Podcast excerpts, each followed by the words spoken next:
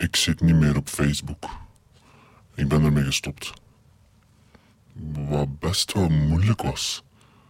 Het is uh, alsof ik twee oorlogen tegelijk moest vechten.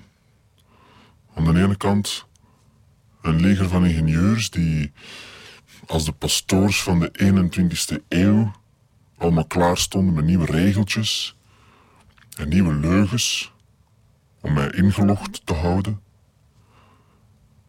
Aan de andere kant een leger van vrienden die als een soort geformateerde zombies maar bleven mij zeggen dat ik eens moest kijken.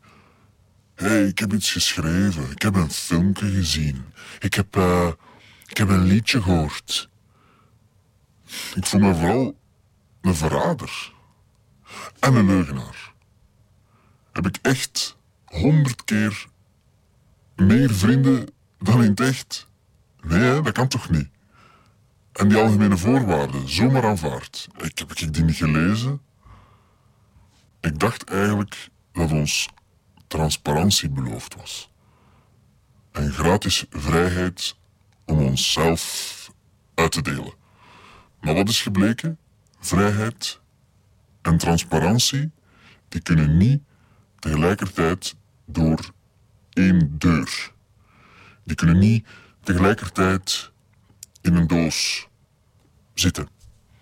Nee. Een voorbeeld. Vroeger had je zuilen, hè?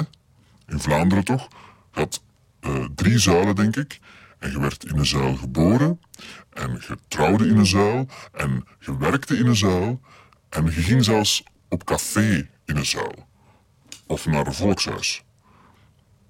En nu zijn die er niet meer. Nu zijn we zogezegd vrij, ontzuild.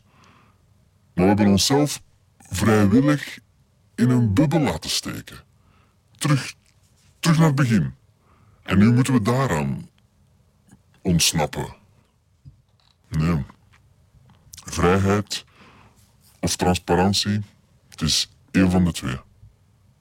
Ik had eigenlijk gehoopt dat Facebook een beetje zoals MySpace zou zijn. Of Messenger, of Hives, of, Netlog. Met dezelfde uh, beperkingen. Iets wat je een jaar of drie gebruikt om op vrienden te spioneren en vriendinnen van vrienden. Maar die Facebook, dat, blijft maar duren, dat blijft maar groeien. Dus ja, ik heb de samenwerking stopgezet. Artistieke meningsverschillen. Ook politieke meningsverschillen, zo blijkt.